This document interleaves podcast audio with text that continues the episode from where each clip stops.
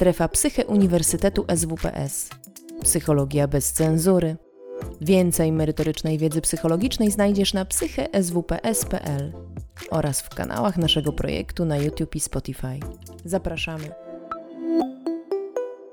Today, our first uh, guest, our first keynote is Agnieszka Sorokowska, who has kindly agreed to um, deliver the talk. Agnieszka is an associate professor at the Institute of uh, Psychology, University of Wrocław. She is the head of Smell and Taste uh, Research Lab. She conducts research on sensory perception, cognitive, uh, evolutionary, and cross-cultural psychology. Thank you again, Agnieszka, for agreeing to deliver this talk. Mike and the screen are yours. Hello. Hi, Kasia. Hello, everyone. It's really nice to meet you and see you. And I hope you can see my presentation now. I'm also very sorry that I couldn't meet you in person today, but I'm very happy to see you online anyway. so the topic of my today's presentation are olfactory preferences, olfactory awareness, and odor sensitivity in an inter-individual and cross-cultural perspective. So before I get to the actual topic of my presentation, let me first explain how important is perception of odors and how they the odors relate to social psychology and why I am so passionate about olfactory perception odors play really plenty, plenty of roles in our lives. They can influence our mood, uh, our cognitive processes, and they also can affect our behavior. And the functions of the sense of smell can be grouped into three main categories. So these are uh, functions related to ingestive behavior. So, for example, regulation of our appetite or discrimination of edible um, products from non-edible products. They are also related to organism protection. That is, for example, they, they play alarm functions and enable us to d- detect different hazards and dangers. For example, humans are one of the most sensitive machines when it comes to detection of uh, certain dangerous gases. Odors are also important in the context of social communication. So that's the most important part related to psychology. They affect human bonding, um, individual recognition. They can affect our mating processes, emotion recognition, and many, many other elements of our daily lives. And as for the main issues, which I'd like to talk about in my today's presentations, the, fir- the presentation, the first are odor sensitivity differences. The second are odor awareness differences and the third are olfactory preferences across cultures. I have gathered the results of many of my previous studies, and I hope to present these in um, three main parts of this lecture. So, as for the sensitivity differences, uh, I will focus on the sources of differences and similarities in odor sensitivity. First of all, what is an odor sensitivity? I should probably clarify that because that's not a very like intuitive issue for most social psychologists. What does it mean to be sensitive to odors? In the most basic understanding, a person sensitive to an odor is able to detect a certain concentration of this odor in his or her environment. And the level of the sensitivity um, like clarified in this way It's called a threshold of odor detection. So the threshold of your odor detection, Kasia, is the lowest possible concentration of an odor that you can detect in your environment. However, there are also other ways um, that can be used to assess odor sensitivity. For example, this can be a discrimination of different odorants. And for example, many tests uh, comprise the tasks where, where you are supposed to tell which two odors are the same and which one is different. And there are also uh, tests that are focused on odor identification. So, for example, you are asked to provide verbal labels to odors. And uh, relatedly, there exist many, many different psychological tests that can be used in, to quantify these abilities. And the method that I most mostly use are the sniffing sticks and um, First of all, one of the issues that you can find the most interesting is probably whether there exist any differences in olfactory abilities across different populations. So there were really, really few studies conducted in this regard.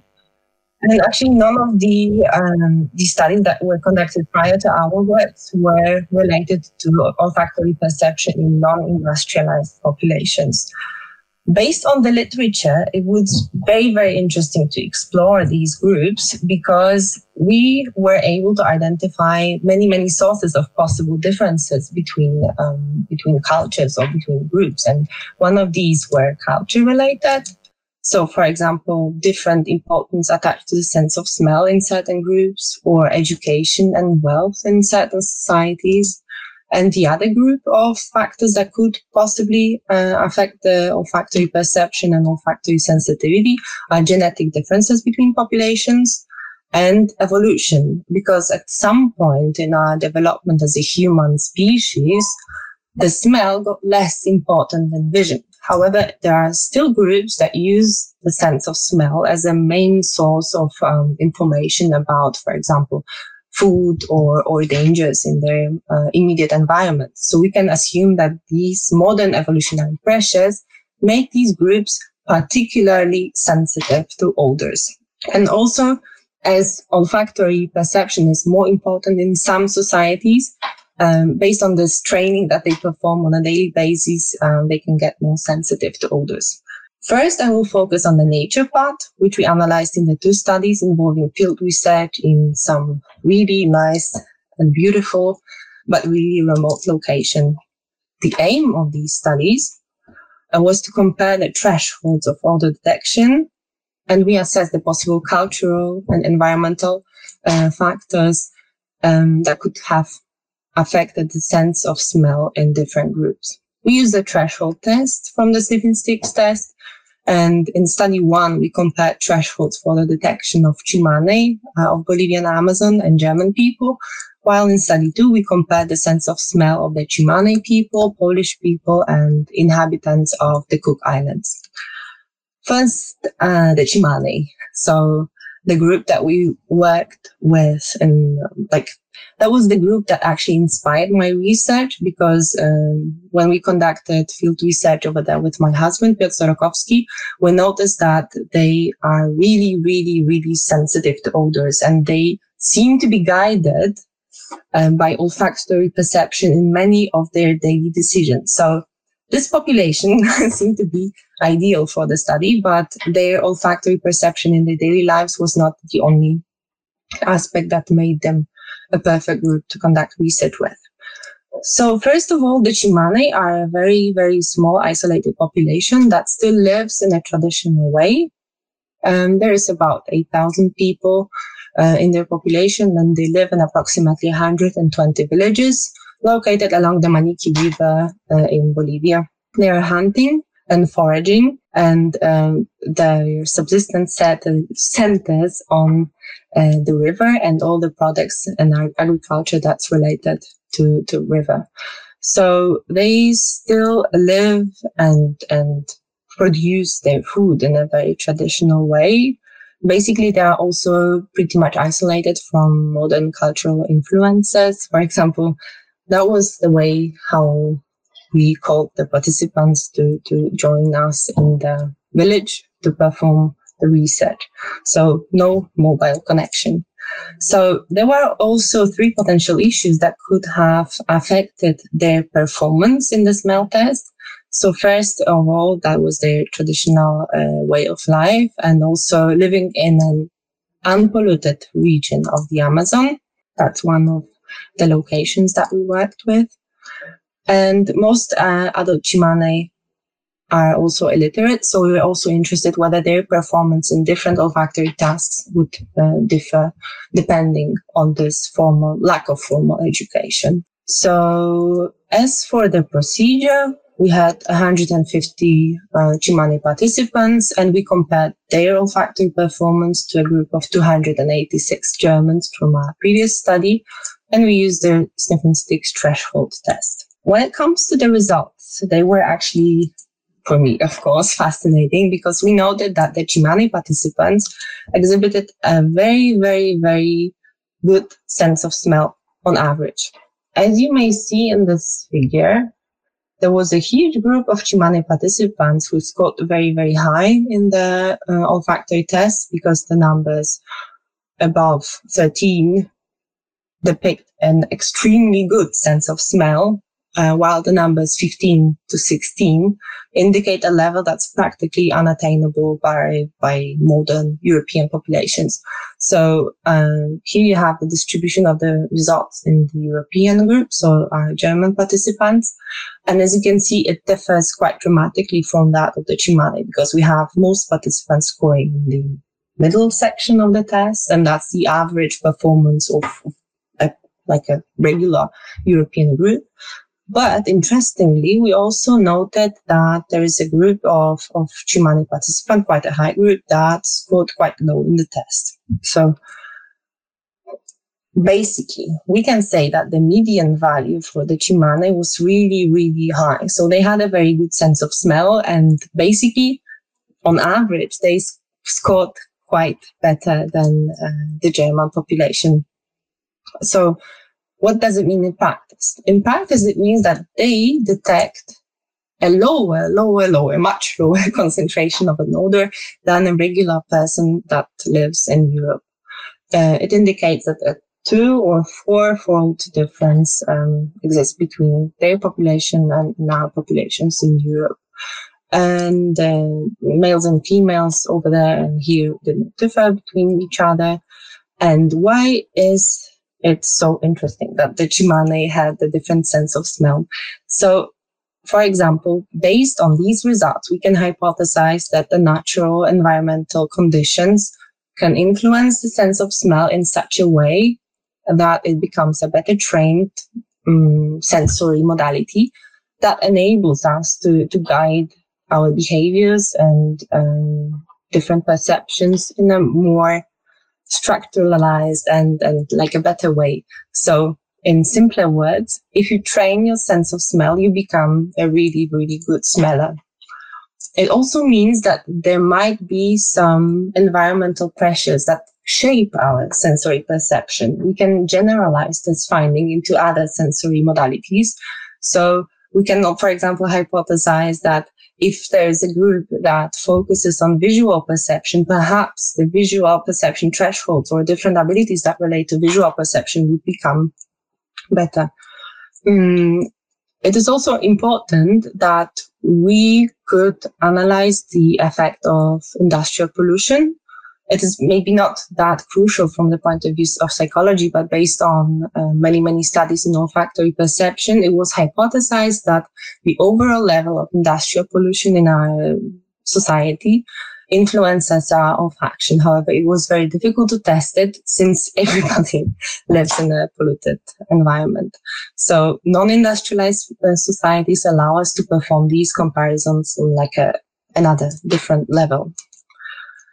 However, there was also an interesting group of the Tsimane, whom I indicated to you in the previous figure, that scored much lower than German people. And we were really interested as to who these people were. And uh, we conducted a follow-up study that involved these people, and the Tsimane people and another society.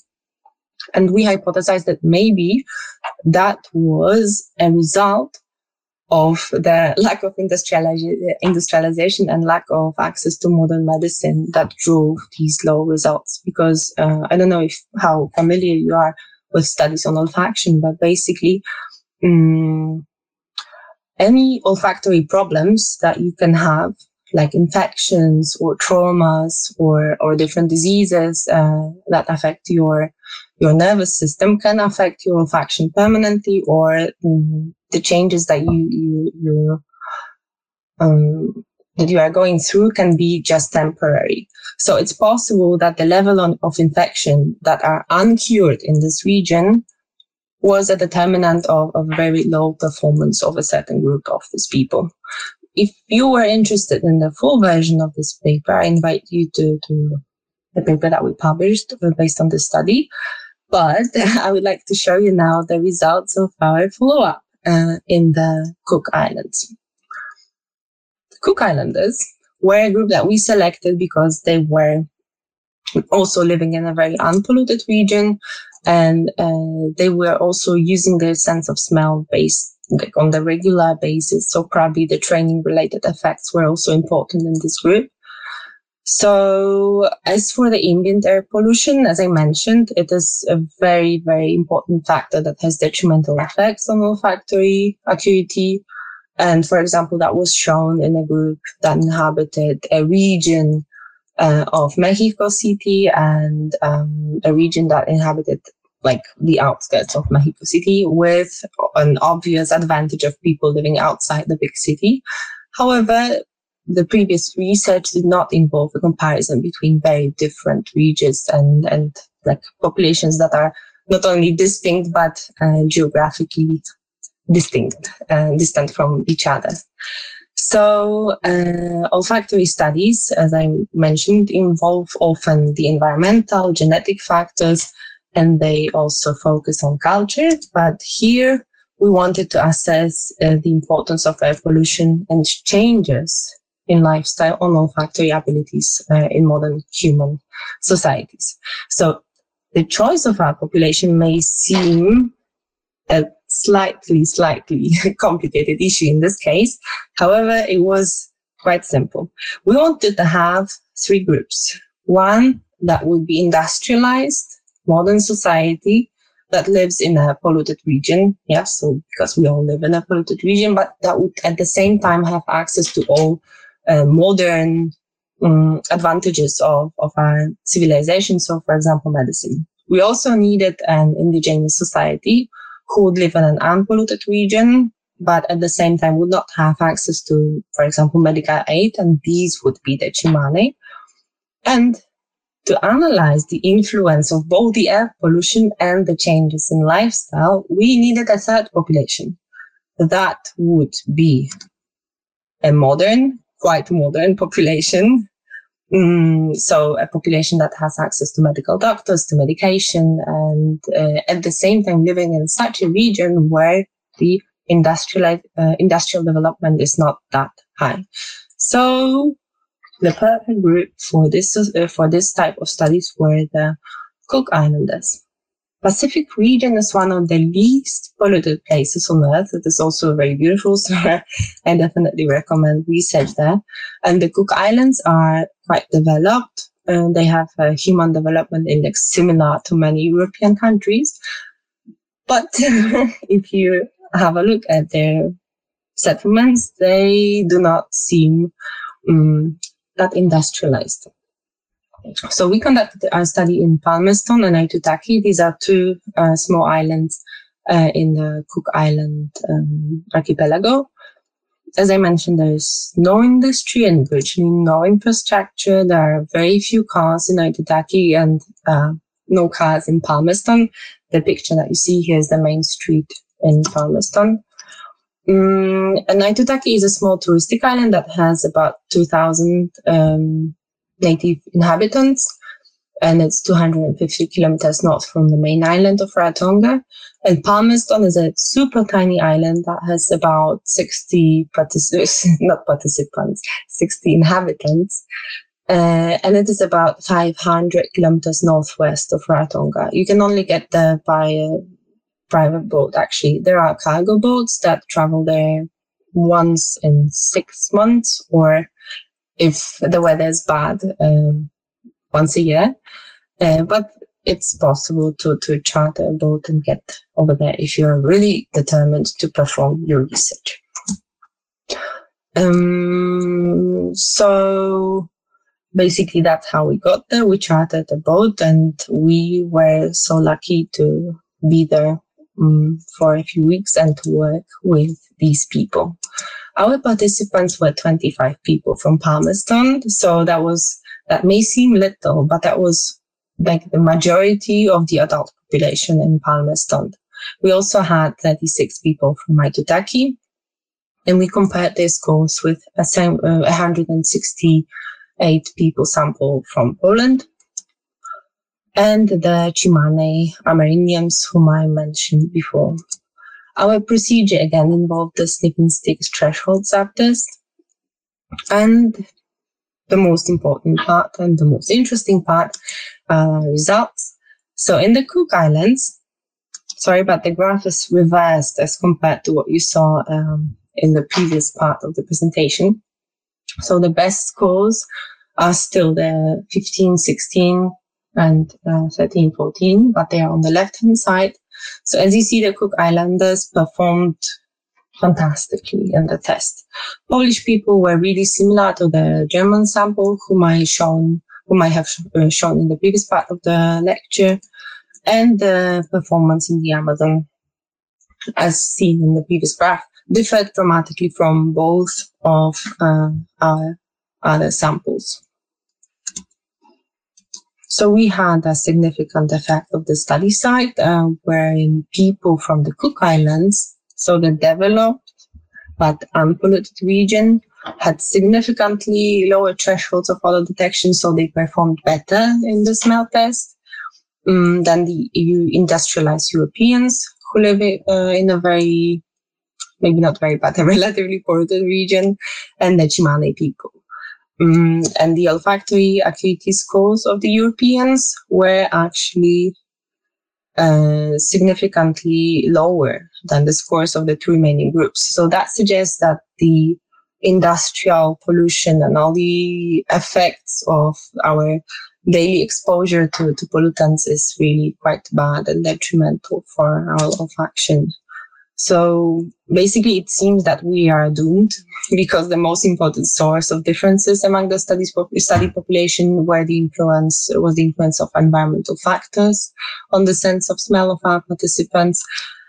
And we may only suggest uh, that there are some factors that influence the olfaction um, negatively influence the olfaction in groups that are non-industrialized. And for example, in the Tsimane, it could be the cooking practices that involve a lot of, of, of fires because they cook on an open fire and they consume a lot of local alcohol and they have no access to medical services. As for the uh, high proportion of non-industrialized Tsimane who performed really well in the threshold task. We could also assume that in addition to the environmental factors that made their olfaction not ruined, as in our case, there are also some additional training influences. So, for example, we can suggest that there are many, many, many other groups whom we can study to determine whether there are some mechanisms or other factors that shape our factory sensitivity and um, account for the differences between the groups. If you're interested in um, the results of this paper and you would like to read the paper, that's it was published in Science of the Total Environment.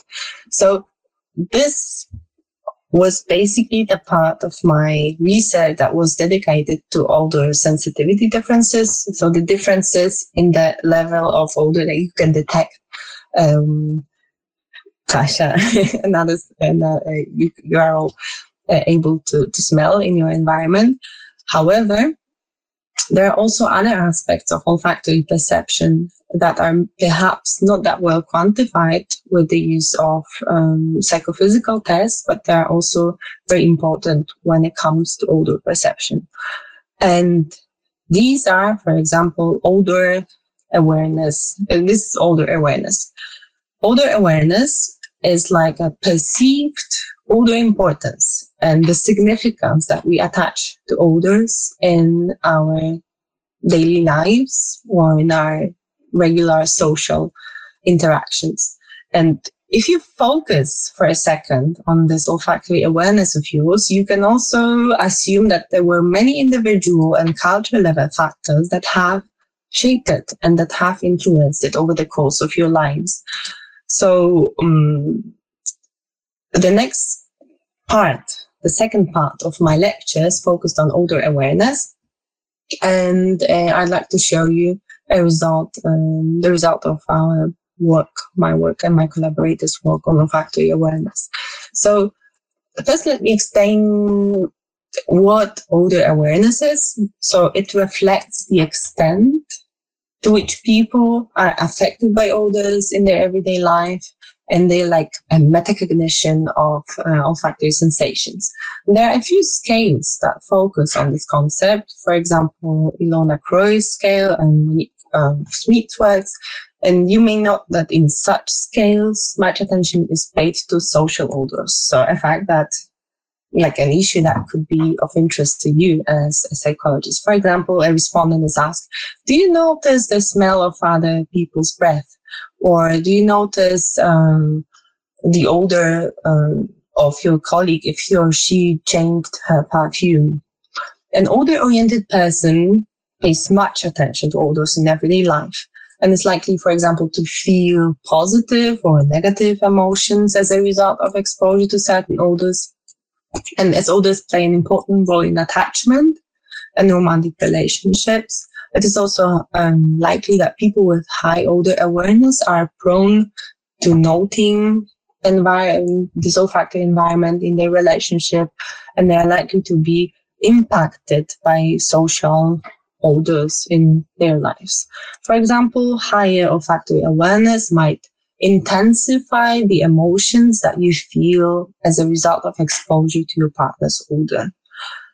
And uh, from the cross-cultural perspective, um, there are certain factors that could influence the like the culture levels you know, responsiveness to social odors.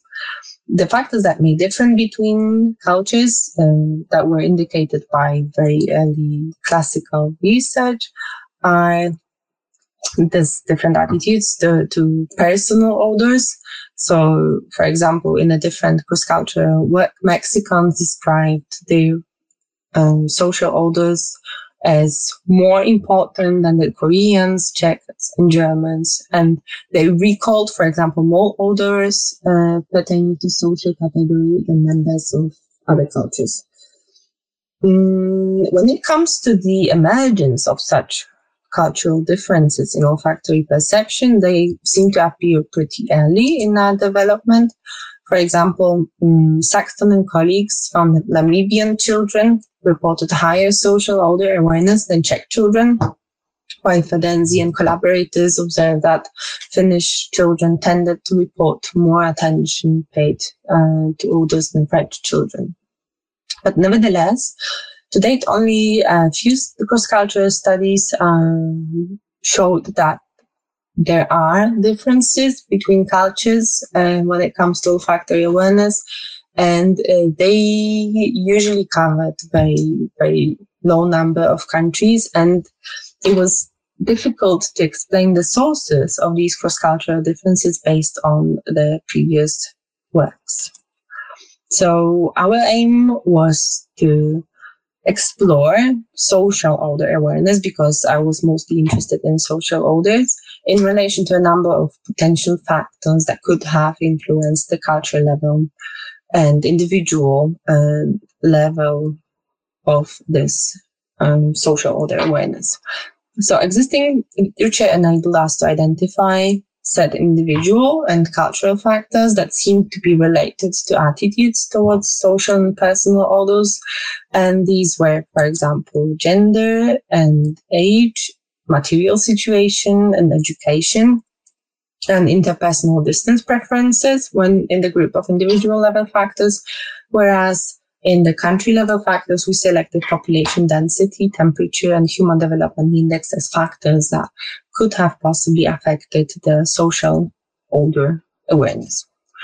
Um, when it comes to the cultural level factors, the variables um, that we selected were actually related to exposure to social odors. So yeah, we assume that these factors could have enhanced the social like density, social connectedness, and at the same time influence the um, level of social odors that we experience in our daily context. So population density, for example, when you think about population density, living in populous sites may enhance the exposure to other people. So at the same time, it can also enhance the exposure to their odors through more frequent social contacts.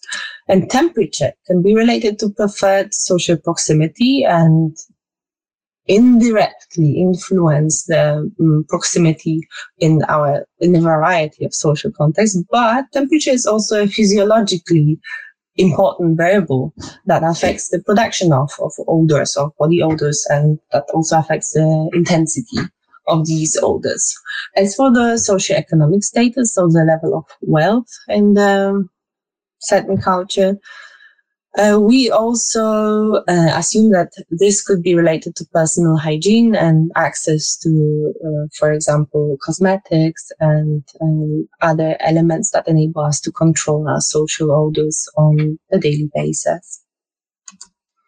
When it, when the group of uh, when we think about the group of individual level factors that we selected, gender, women value odors more than men basically that's a rule. Women pay more attention to odors, and that was observed both in the mating context, but also outside the mating context.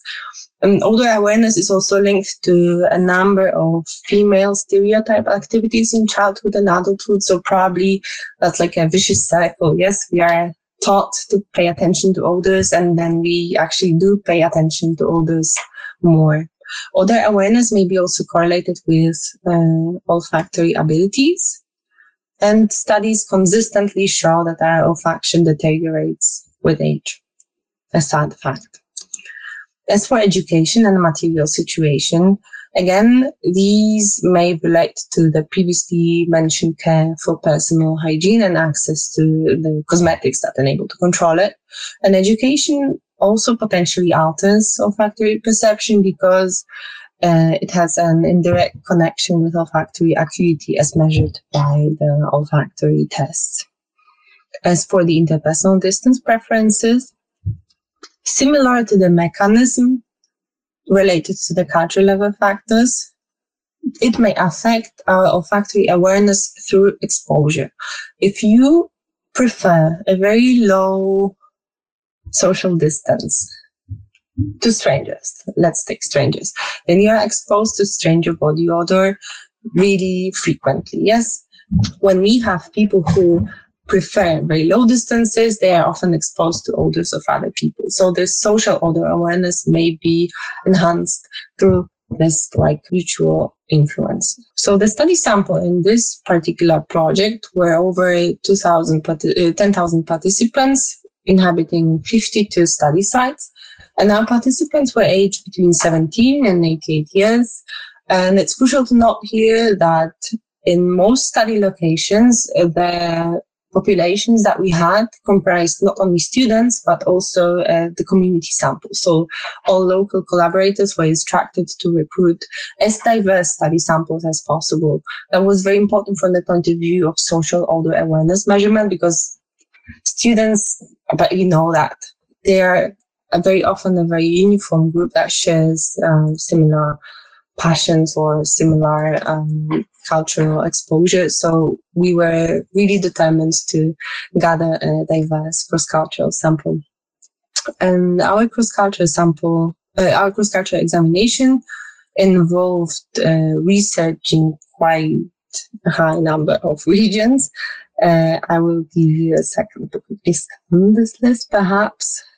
But what I feel particularly proud about is that we had study sites representing Asia, Africa, Europe, and Americas. So we did quite well when it comes to the distribution all over the globe. Uh, as for the methods, we selected questions on social odor perception from uh, Monique Smeets scale. And these were, do you pay attention to the perfume, the aftershave or deodorant other people use? How important is it to you that your partners has a uh, partner has a pleasant smell? Do you notice the smell of people's breath or sweat?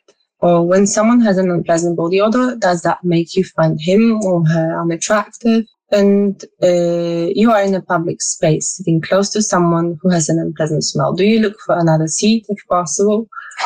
try to address these questions yourselves.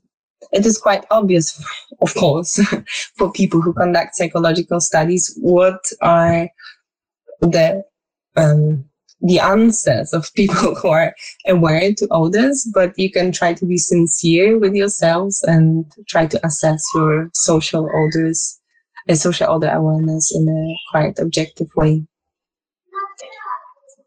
Our analysis uh, comprised multi-level regression models, so the hierarchically linear models. And in the first um, part of the analysis, we had a baseline, like an empty model, to estimate the variability of the sense of smell or, or the olfactory awareness in the social context across countries that we included. In the second step, we assessed the individual level variables and their influence on our outcomes. And in the third step, we included the country level predictors. So, um, following all these steps enable us to compare the three models and to show which of them is the best and best explains the variability in our data. I don't know how expert you are in statistics, but if some of you are not, please don't get scared uh, by this table. Actually, it's pretty straightforward. What we see here in the bottom, the place where a circle now appeared, uh, is that the model properties differed, and we have the properties of the three models indicated here below. And depending on the predictors we included in the analysis, we have um, like a different level of um, different proportion of results explained by by different factors. So uh, here you have a model that is like a baseline, an empty model. It's now circled with a with a gray circle. There you have a summary of the individual uh, of a model, including individual level factors, and you can see that the value here decreased, indicating a better model fit, and including the cultural level factors did not increase the predictive value of the model. So overall, the comparison of this model, of these models, showed that individual characteristics were kind of super strongly related to outcomes, whereas inclusion of the cultural level predictors changed very little. So the reported odor awareness in different social contexts seemed to depend quite a lot on the individual level factors that we included, so the gender, age, and education. But the inclusion of other cultural level factors were was not that important. Summing up the findings of this research, our participants generally differed in terms of odor awareness. And although there was some cross-cultural variance in social odor awareness, the main differentiating role was played by individual level factors the country level factors were not that super crucial. And these results confirm that individual differences play an important role in social odor awareness. So in all aspects of odor awareness that are related to non-verbal communication, uh, non-verbal olfactory communication between humans. So this suggests that people living in different cultures and different climate conditions may still share similar patterns of odor awareness in social contexts, if only they share other individual level characteristics. Findings on individual level factors affecting social odor awareness are consistent with previously reported age and gender related differences in odor perception. So women consider olfactory perception more important than men.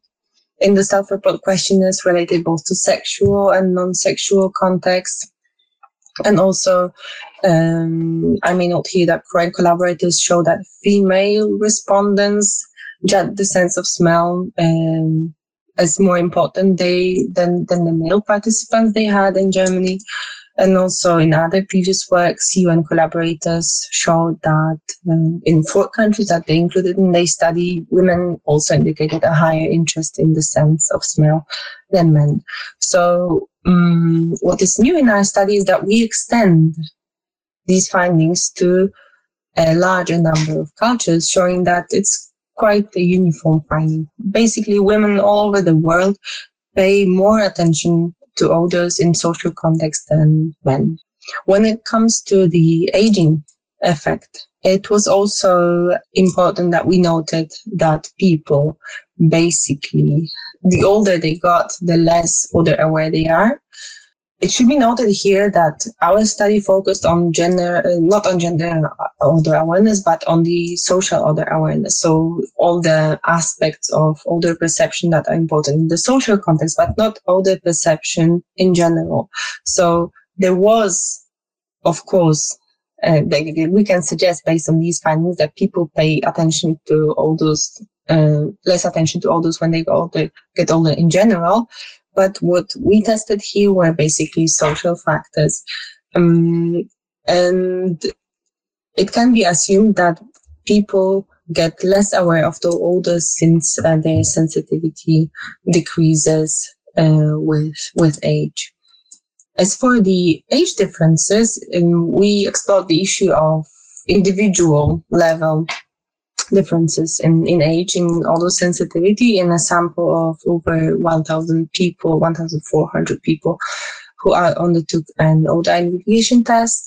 And we have indeed found that odor identification scores of the youngest and oldest participants were much lower um, than those of the people in the like middle of the scale. So as you can see in this figure, this was especially notable for participants aged above 70 and participants aged below 10 years. So numerous papers explain this deterioration of the sense of smell in old people. Lower olfactory abilities might be a result of uh, the deteriorating cells in their uh, noses, also the neurodegenerative processes and also like overall the cumulative damage to to an organism. And as for children, it, seems rather unlikely that their lower performance in the study on odor sensitivity uh, relates to diseases or disorders that are common in older age. Um, however, it needs to be remembered that this particular study involved an odor identification test, and verbal abilities of children are basically a bit uh, lower and further, the olfactory performance in odor identification tests relates also to prior exposure um, to certain odors. So children could perform worse not because they have their olfaction is so bad, but because they are just non-familiar with the odors. If you are interested in the issue of sex differences in olfactory perception and olfactory awareness, uh, you may be also interested in the meta-analysis that we uh, conducted as a kind of response to a long-lasting debate in the scientific literature on olfactory perception and sex differences. And summing up the results of the findings of this meta-analysis, uh, basically women were a tiny, tiny bit better than men, but yeah, let me let me tell you a bit more about uh, these works. So our analysis included results of hundreds of studies uh, used with that used the sniffing sticks test, and we had the olfactory threshold test, we had the discrimination test, and we had identification test. So three different subgroups of olfactory performance. There is also another very popular olfactory test that was used in a number of studies, and that's the University of Pennsylvania smell identification test. And uh, summing up the results of all these comparisons was that the effect sizes uh, that show the advantage of women were really, really weak.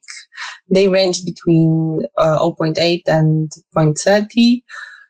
And there are many possible factors that could have affected uh, the outcomes of the studies that we included in our meta-analysis. Um, and although basically our findings confirm the common knowledge about the better olfactory perception in women, uh, I wouldn't say that this debate is solved uh, because the effect sizes and like the distribution of the results clearly indicates that the effects are very small and yeah. Yeah. So are women better in terms, like, are women objectively better in terms of olfaction rather not? Uh, but going back to the olfactory awareness differences that I showed before, they're much more focused on odors. Um, and there are several interesting future directions that can be inspired by the combination of all these studies that I have shown you. So, for example, uh, the similar pattern of results across the study styles that we included opens uh, questions on biological determinants of um, olfactory awareness that drive the individual level differences in social odor awareness. And for example, it's also interesting to explore the preference for these social odors because these can be genetically determined. So possibly the subjective importance of these odors can also be related to some innate genetic factors. This has not been tested so far, and it's for me at least very, very interesting. Uh, we should also note that the 30% of variability in our results was pertained to the uh, cultural level factors.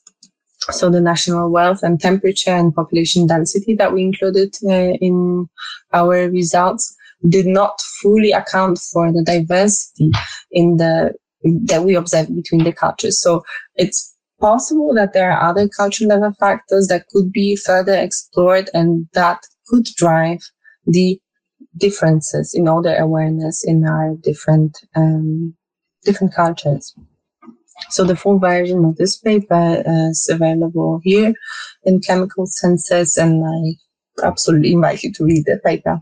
That was the part of my lecture that was dedicated to olfactory awareness. I hope you are now more olfactory aware yourselves and you could say a bit more about your preferences to odors in social context. But there are not only social odors in our environments. We also have plenty of other odors that surround us. And the third part of my lecture relates to olfactory preferences. The idea um, that I tested in, in my study uh, where was that preferences across culture across cultures vary not only in the social context but they should also vary in other um, subgroups of odor stimuli and I first explored the olfactory preferences in children. As uh, Kasia mentioned in the beginning of, of this lecture, I am now very much interested in olfactory determinants of food neophobia. So I was also interested in basically olfactory preferences of children because one of the most important aspect that drives our behavioral responses to odors are, is the perceived pleasantness of these odors. So the question that I asked myself was that whether people do agree or disagree in odor assessments. And uh, one of the most important thing that drives the olfactory pleasantness seem to be the odor and structure. And many researchers argue that actually everybody all over the world should basically agree on which odor is pleasant and which odor is unpleasant because that just lies in the chemical structure of an odor. However, there is also another aspect of uh, olfactory perception and odor perception, odor pleasantness perception, and that's familiarity. So if you know the odor, you typically like it more. It's a common rule that's observed in many psychological studies related not only to olfactory perception, but to other types of perception. And uh, the second group of researchers that ferociously argues with the first group of researchers says that our culture is a crucial determinant of an, of our odor preferences because it drives the exposure to different smells. So um, we decided to tackle this question or rather have a, a, our our response in this debate as well by conducting two studies um, that would include children. So a group that's a bit less influenced by culture than adult people. And our first study involved a group of children from 18 countries and the study has not been published so far, but in short, the results indicate that hedonic perception of odors across all these uh, groups can be explained. It can really be explained by culture because the children whom we had in our study showed a bit similar olfactory preferences. Rather, they were rather consistent. However, we also found this significant effect of odor identification performance. So basically, we cannot say a yes or a no in this um, debate related to the nature or nurture part of odor preferences because yeah, if children performed better in an odor identification task, this means that they knew the odors better. So this odor familiarity has also affected their hedonic perception. So we had 511 people um, aged from 5 to 8 years, and they completed the U-Sniff text, uh, U-Sniff test. And as I mentioned before, uh, the participants were evenly distributed across uh, 18 countries. And they rated, in addition to identifying each other, they also rated the odor pleasantness. Each sample that they smell uh, was also was not only identified but also assessed uh, in the case of, of the pleasantness. So as I mentioned before, it is difficult to say whether children are actually whether these results in children are a voice in favor of uh, olfactory preferences uh, diversity or whether it actually confirms that the odors odor preferences are uniform we conducted also another study that involved the traditional population of Hadza, and that involved Tsimane people and a group of Papuan people. They rated the pleasantness of all these odors that you can find on the screen. They were mostly derived from the sniffing sticks task. And the pleasantness of the odors that they rated was compared to uh, the pleasantness that we found in the Polish population. So what I'm showing you here are quite preliminary results. So I did not uh, really uh, analyze them in a beautiful way. So excuse the table. But differences between Poland and non-industrialized populations were mostly and meaning that people in Poland like the odors more than people in non-industrialized population, and that was mostly observed for banana and peach and onion and cinnamon and coffee and leather. And there were also some odors where we found slight differences between populations. And these were mostly butanol and butter and strawberry. So this study in adults again gave us no clear answer when it comes to the effect of a culture on olfactory preferences because although we did observe a significant effect of a culture for the comparison of non-industrialized groups with an industrialized um, population, we also observe some striking similarities. These were especially notable for unpleasant odors. So this may open a new question related to innate aversions to certain odors and perhaps suggest that the universality in odor preferences that was suggested by this super uh, large group of researchers pertains mostly to odors that are unpleasant. And these odors are unpleasant because they are somehow biologically meaningful across populations. So it's possible that there are some innate aversions that we share regardless of the culture. Summarizing this smaller part of, of my studies related to olfactory preferences, um, I may say that the question of olfactory preferences is really the most difficult so far in the in the smell perception studies that I have conducted. But I would be very happy to hear your comments on that. And basically, when it comes to my whole lecture, I would like to show you a few of the take-home messages, and these are that there are many aspects of our olfactory perception that are affected by both biological and cultural mechanisms, but among the key dimensions of olfactory perception, the smell abilities are influenced by uh, the smell sensitivity seems to be influenced by environment and no evolutionary pressures. So more on the biological side, whereas the identification relates mostly to culture and experience and our uh, verbal abilities. Odor awareness is mostly related to our individual differences. So who we are and on the individual level is more important than where we live or what our culture is.